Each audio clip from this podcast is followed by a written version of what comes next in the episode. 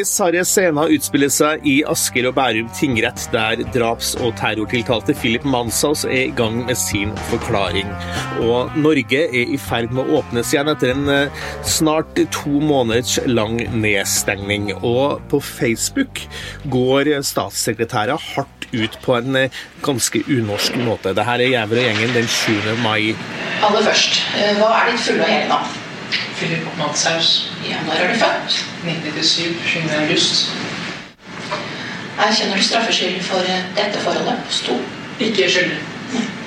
Der hørte vi fra åpningen av eh, rettssaken mot Philip Manshaus. Eh, Anders Giæver, du eh, følger jo den for VG. og Hvordan vil du beskrive det som kom fram på dagens rettssakens første dag? Er, jeg opplever det som en litt sånn déjà vu på 22. juli-rettssaken. Eh, En ung gutt fra vest, vest for Oslo som prater eh, hva skal si, veloppdragent og med, med klar sånn Oslo vest-Bærum-sosiolekt. Legger ut eh, et budskap som vi dessverre er blitt altfor kjent med de, de siste ti årene, om hvordan eh, kulturen og rasen og nasjonen er i ferd med å knele under eh, innvandring og eh, ukultur og umoral. Bare noen få utvalgte skjønner hvor alvorlig det er. Det brenner i flyet, noe må gjøres. Han velger da å eh, gå til angrep, og han valgte da litt tilfeldig en eh, moské i eh, Bærum for å vekke folk og se at nå må motstandskampen begynne, for det er et folkemord på gang mot den hvite rasen og den europeiske kultur. Det er litt av et verdensbilde. Det er jo også en eh, slags altså Han vedkjenner jo seg å være nasjonalsosialist. Det er vel også eh, et jødehat her også som, som ligger under, er det ikke det? Jo, altså sånn der er han jo på en måte forskjellig fra Breivik eh, slik han fremsto i rettssaken i 2012. Fordi eh, Breivik var jo da mest opptatt av Han var opptatt av hvordan det var islam og muslimer og hele denne Eurabia-konspirasjonen. Mansas er mest opptatt av den klassiske jøde konspirasjonen. Det er Hollywood og mediene og bankene og så sånn som uh, styrer den vestlige verden og ønsker globalisme og uh, verdensregjering og sånn. Og uh, muslimene og islam er mer et problem, et av de underordnede problemene som jødene på en måte steller i stand for verden. Ellers så opptrer han veldig sånn samlet og høflig. Og ja, hvordan, hvordan fremstår han? Han er jo en, er en, ung mann, det her. Ja, han er jo nesten ti år yngre, tror jeg, enn en Breivik var. Kanskje noe mer umoden, men, men absolutt sånn høflig. Og øh, når dommeren innimellom avbryter han, han, får snakke mer ut enn det Breivik fikk. Man kan lure på om altså han, Det er jo tre rettssakkyndige som har øh, konkludert med at han er tilregnelig. Forsvareren hans har ikke villet si noe om tilregnelighetsspørsmålet. Jeg vet ikke om hun på en måte ønsker at han skal fremstå på en måte som gjør at det kan sås tvil om det. Det er bare ren spekulasjon fra min side. Men han fremstår ikke som noe noe mer forstyrra enn det eh, Breivik gjorde, som jo ble kjent eh, tilregnelig til slutt, med mindre du sier at dette er et forstyrra verdensbilde. Men verdensbildet, det vet vi jo, det deler han dessverre med veldig mange. Så er det heldigvis ytterst, ytterst få som går til voldelige aksjoner. For sånn sett så er jo ikke, ikke Mansås heller noen svart svane. Han jo en, representerer jo en slags uh, underskog, det er en slags bevegelse som finnes over hele verden. Det er, altså, han er en ung mann som har dukket ned i akkurat det kaninhullet på nettet. Vi vet at det finnes mange sånne rare Det er folk som er helt overbevist om at jorda er flat. At månelandingen ikke fant sted. Altså masse sånne forskjellige former for bisarre konspirasjonsteorier. Men han har da altså hoppet ned i denne litt klassiske nasjonalsosialistiske uh, ideen. Og det er veldig mye sånn holocaust-benektelse, og det er mye snakk om uh, ytringsfrihet og hva han sier. Ja, han beveget seg i forum med frodig grobunn for intellektuell diskusjon, var vel slik han formulerte det. Og så en veldig sånn vilje å, til, til, å bruke vold. Da. Altså, det ene ting er jo, er jo, det terrorangrepet selvfølgelig han satte i gang i den uh, moskeen, men også han tok jo faktisk livet av søstera si bare fordi at hun var av, er adoptert da, fra, fra, fra, Kina. Uh, det er jo veldig mørkt. Det er sånn dystert det er sånn villighet til å bruke vold, da, som, som, eh, ja, som, som, selvfølgelig er i borderline galskap også, men, men det vel, viser jo seg. Det, han har jo Forbildet hans er vel han Brenton Tarrant fra New Zealand, er det ikke det? Jo. Eh, det er jo det, og han jo også da, skal også ha hyllet Breivik på noen av disse uh, foraene. Og han sier jo rett ut altså han, han, liker åpenbart ikke å snakke om dette med søsteren, men han sier, mener at det, at det var nødvendig, og at han ikke har noe anger på det. Han beklager at han ikke fikk gjennomført et, et, større massedrap. Han ble for ivrig, han var for impulsiv, han burde ha planlagt bedre. Som vi vet så var det altså to to eldre menn som eh, overmannet ham og ga ham eh, mye bank eh, da han stormet inn i den Al-Noor-moskeen. Og Det gjør vel også at han, glorien hans er ganske er litt falma da, inn i, i, det nazistiske miljøet også. Han er på en måte sett på som en litt sånn mislykka ja, mislykka eh, terrorist, eller hva man skal kalle det. Ja, det er klart han, du, får ikke, du får ikke høy status av sånt i de miljøene. På den annen side må man også si at da 22.07-saken eh, gikk for retten for åtte år siden. Da var det ikke mye støtte å finne eh, for Breivik da heller, rett og slett. Og da var det litt det motsatte problemet. Den var, den var for bestialsk, dette med at han hadde tatt livet av så mange unge mennesker på en slik måte som han gjorde, ble, ble sett på med, med avsky. Etter hvert som tiden har gått, så har jo det snudd, og nå er Breivik et slags ikon på deler av den der ytre høyresiden. Det kan jo skje det også med eh, Manshaus, at når, når liksom tiden kommer mellom handlingen og det som har skjedd, så, så, lager man et slags eh, ikon ut av han eh, også. Du følger rettssaken videre, Anders.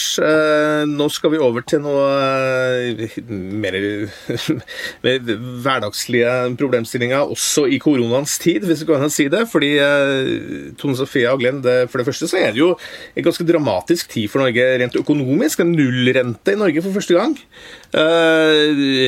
Equinor melder om elendige resultater og generell nedgang, og det ser jo mørkt ut, eh, det som skjer i koronaens tid i Norge, gjør ikke det, Tone Sofie? Jo, og det er nok, eh, ligger kanskje litt for oss å juble litt over eh, nullrente. For mange tenker jo da på sitt eget boliglån. Sånn er vi jo litt skrudd sammen.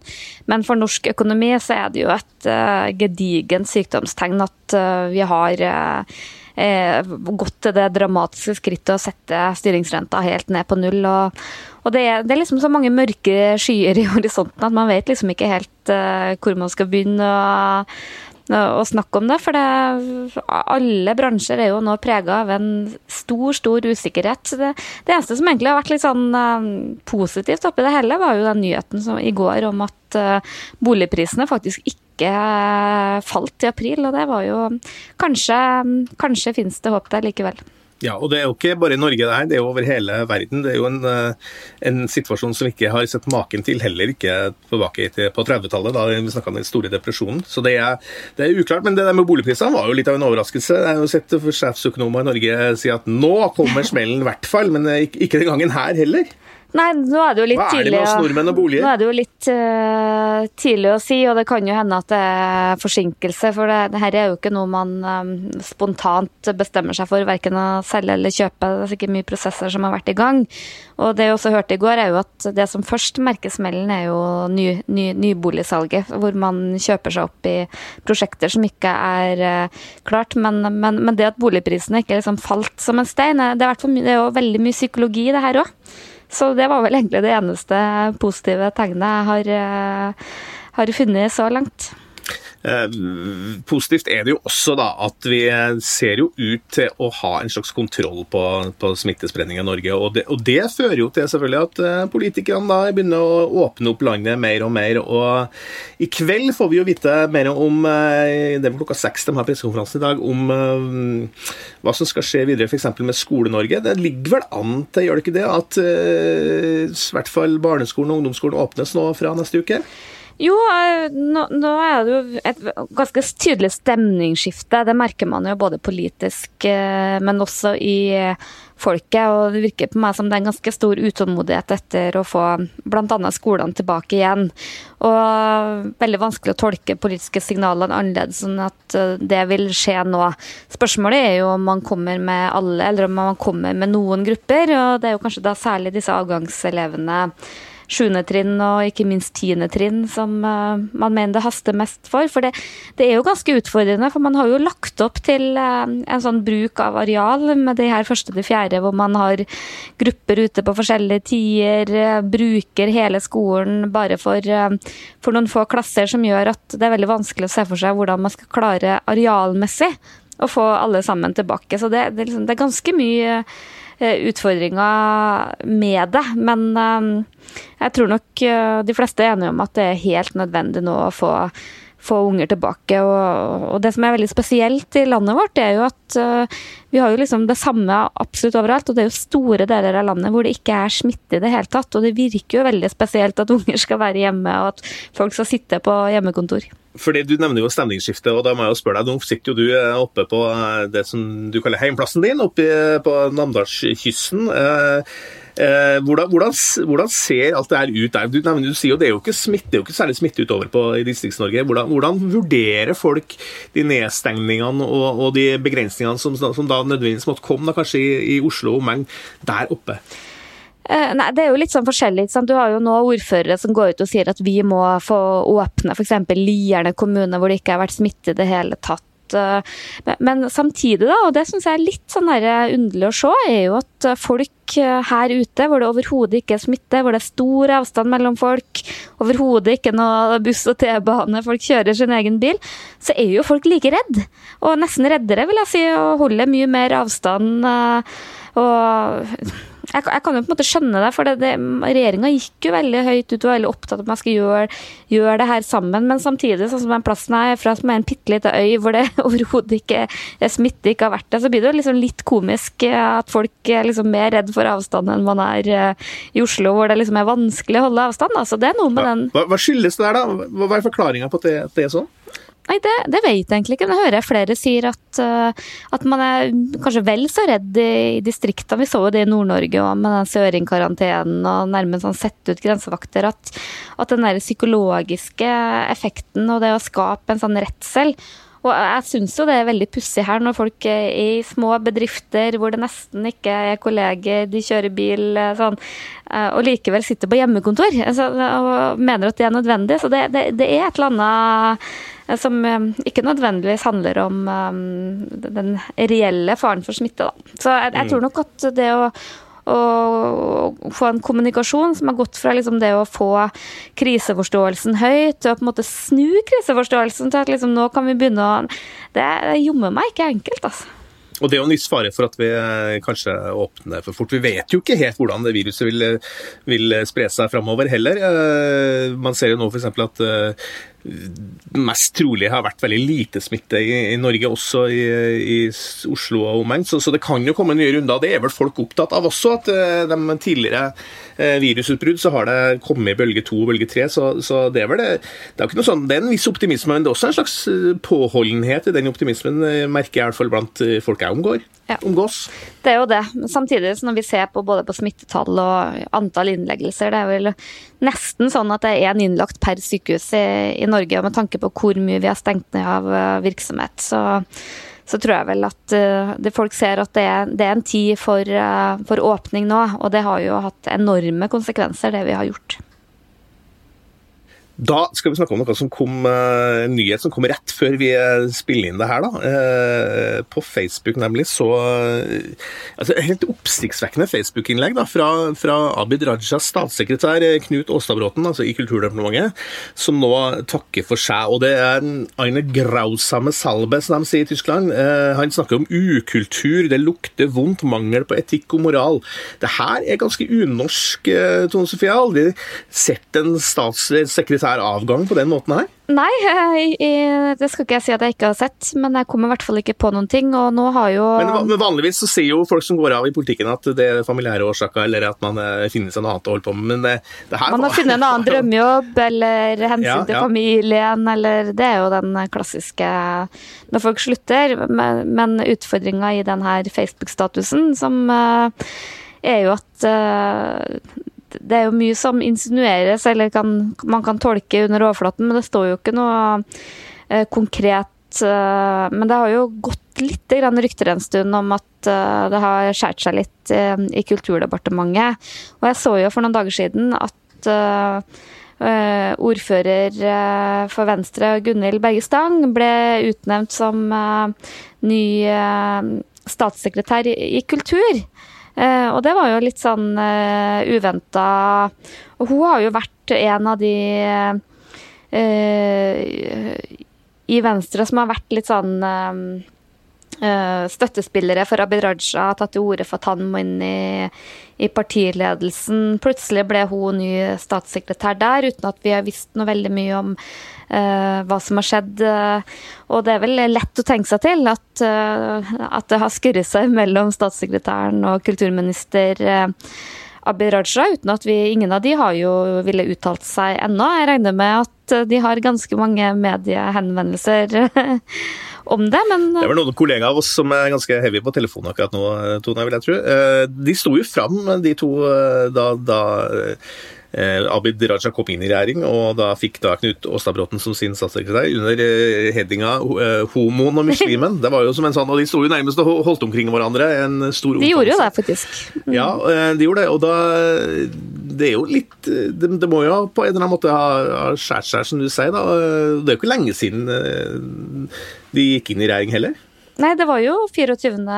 januar at eh, han ble statssekretær. Og hvis jeg skal prøve å spekulere litt eh, i årsaker, så så han har jo erfaring, mye erfaring fra kulturlivet, fra lokalpolitikken, eh, men ganske ny i, rikspolitikken. Eh, men har veldig gode skussmål, blir oppfatta som veldig hel ved og kunnskapsrik. Og bare hørt gode ting om han. Men, men så er det jo han er også Det er jo utrolig viktig eh, når man skal være statssekretær, at man skal spille sin eh, statsråd eh, god.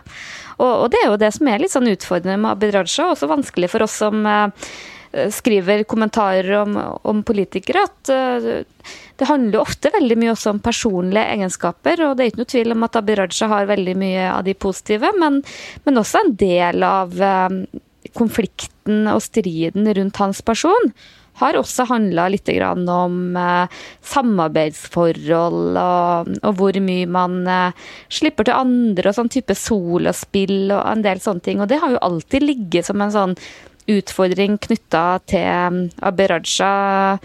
Eh, og ofte så er det jo litt sånn òg at de politikerne som er best på oppmerksomhet og, og skape liv rundt seg, er jo kanskje også de som kan være mest krevende å samarbeide med. Så, men eh, jeg regner med at eh, noen av dem tar telefonen snart, så vi kanskje får noen eh, forklaringer. Vi kan vel si her, sånn som de pleier å si i filmen, 'to be continued'.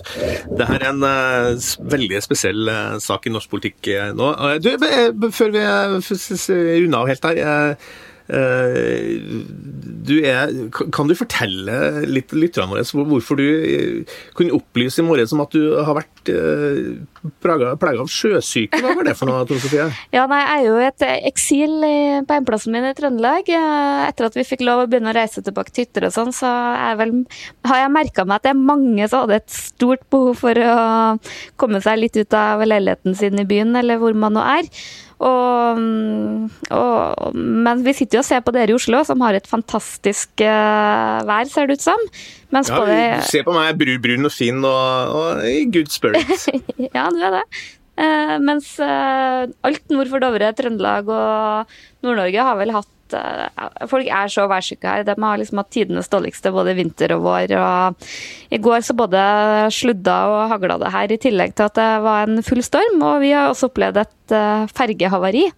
Så i går måtte vi ut med en reserveferge ut på en to timer lang seiltur i meget opprørt hav, som endte med at jeg i hvert fall ble hengende og fikk for første gang i mitt liv eh, den tvilsomme æren av å mate krabber, som man kaller det her ute. Da. Og det, det anbefales virkelig ikke. Det er uvant for en eh, kystjente. ja, det har jeg faktisk aldri før opplevd. Men eh, det sier vel kanskje litt grann om eh, tilstandene. Mm.